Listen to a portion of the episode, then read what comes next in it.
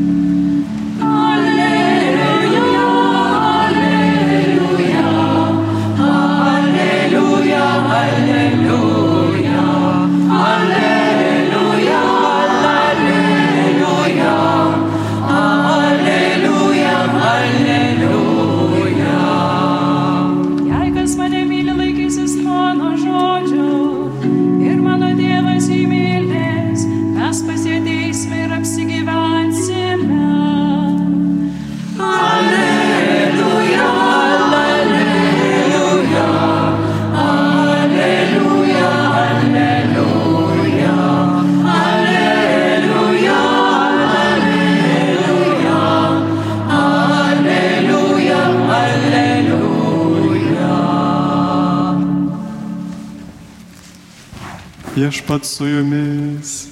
Ir su tavimi. Pasiklausykite Šventojios Evangelijos pagal Luką.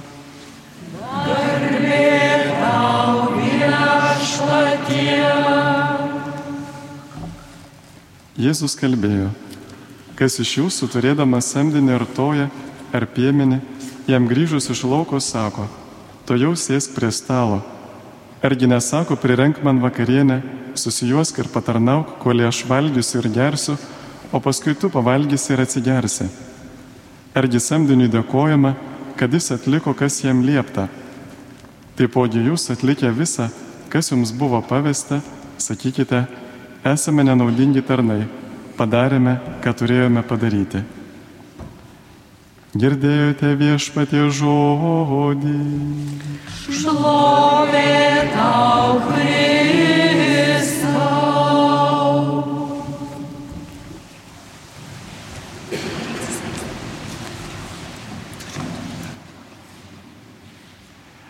Šiandieną melžiamės už žiniasklaidos atstovus.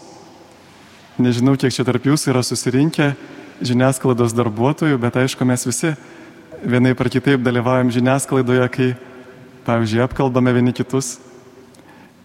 Ir Jėzus sako, iš šios dienos Evangelijos galime pamatyti tokias tris pamokas, kurias jis nori mums duoti iš savo meilės, sakydamas, kad mes sakytume, esame nenaudingi tarnai. Ar čia Jėzus liepia mums įgyti kažkokį nepilnavertiškumo kompleksą?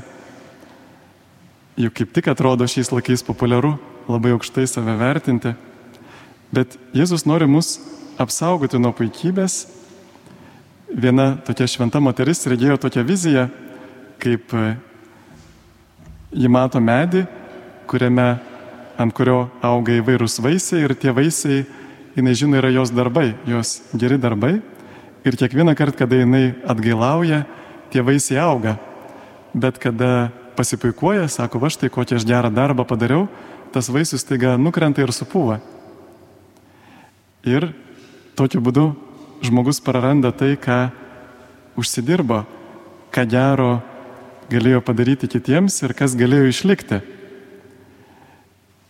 Ir mes patys, kada na, kovojam prieš kitų puikybę, tai aišku, tada, kada mus pačius žaidžia mūsų pačių puikybė, bet Jėzus galvoja ne apie save, bet apie mūsų gėrį ir jis nori, perspėdamas, kad mes nueitume į dangų netuščiamis rankomis. Pirmame laiške korintiečiams Paulius rašo, kas ant šito pamato statų iš aukso, sidabro, brangiųjų akmenų, medžio šienų šiaudų, kiekvieno darbas išaiškės. Teismo diena jį iškels aikštėn, nes jis pas, jį pasirodys ugnimi ir ugnis ištirs, koks kieno darbas. Kieno statybos darbas ant to pamato išliks, tas gaus užmokesti. Kieno darbas sudegs, tas praras užmokesti, jis pats išsigelbės, bet tartum per ugnį. Ir čia jau Jėzus mus moko ir mato Evangelijos šeštame skyriuje, kai pasninkaujate, nebūkite paniurę, kaip vidmeniai, jie perkreipia veidus, kad žmonės matytų juos pasninkaujant. Iš tiesų sakau jums, jie jau atsijėmė savo užmokestį. Taip pat kalba ir apie išmaldą, ir apie maldą. Venkite daryti savo teisumo darbus žmonių akise, kad būtumėte jų matomi, antraip negausite užmokesčių iš savo tėvo danguje. Stenkis, kad Jėzus sako, išmalda liktų slaptoje, o tavo tėvas regintis slaptoje tau atlygins. Taigi ir čia mes galim visą laiką tirti savo intenciją, ar aš noriu atlygio iš Dievo ar iš žmonių. Man labai patinka iš senojo brevijorius toks gimnas kankinių buvo parašyta žmonių garbė voratinklio gyje, vėjelis paputė ir nebeliko. Tai iš tiesų tai, ką žmonės mums gali duoti, ta jų garbė ar pagarba, ar patikimas, žinot, žmonės dabar ieško daug laikų, socialiniuose tinkluose yra kaip ta voratinklio gyje. Vėjelis paputė ir nebeliko. Žmonės per verbų sekmadienį šaukė mūsų karalius, tai gyvoja, o po savaitės ant kryžiaus jį. Ir čia turėtume pasirinkti, kuriam šeimininkui tarnausime. Šiandien beje kaip tik melžiamės už žiniasklaidos darbuotojus ir kiekvienas žiniasklaidos darbuotojas gali turėti tokią nuostatą e, iš geros intencijos, pavyzdžiui, tarnauti, šviesti žmonės, informuoti.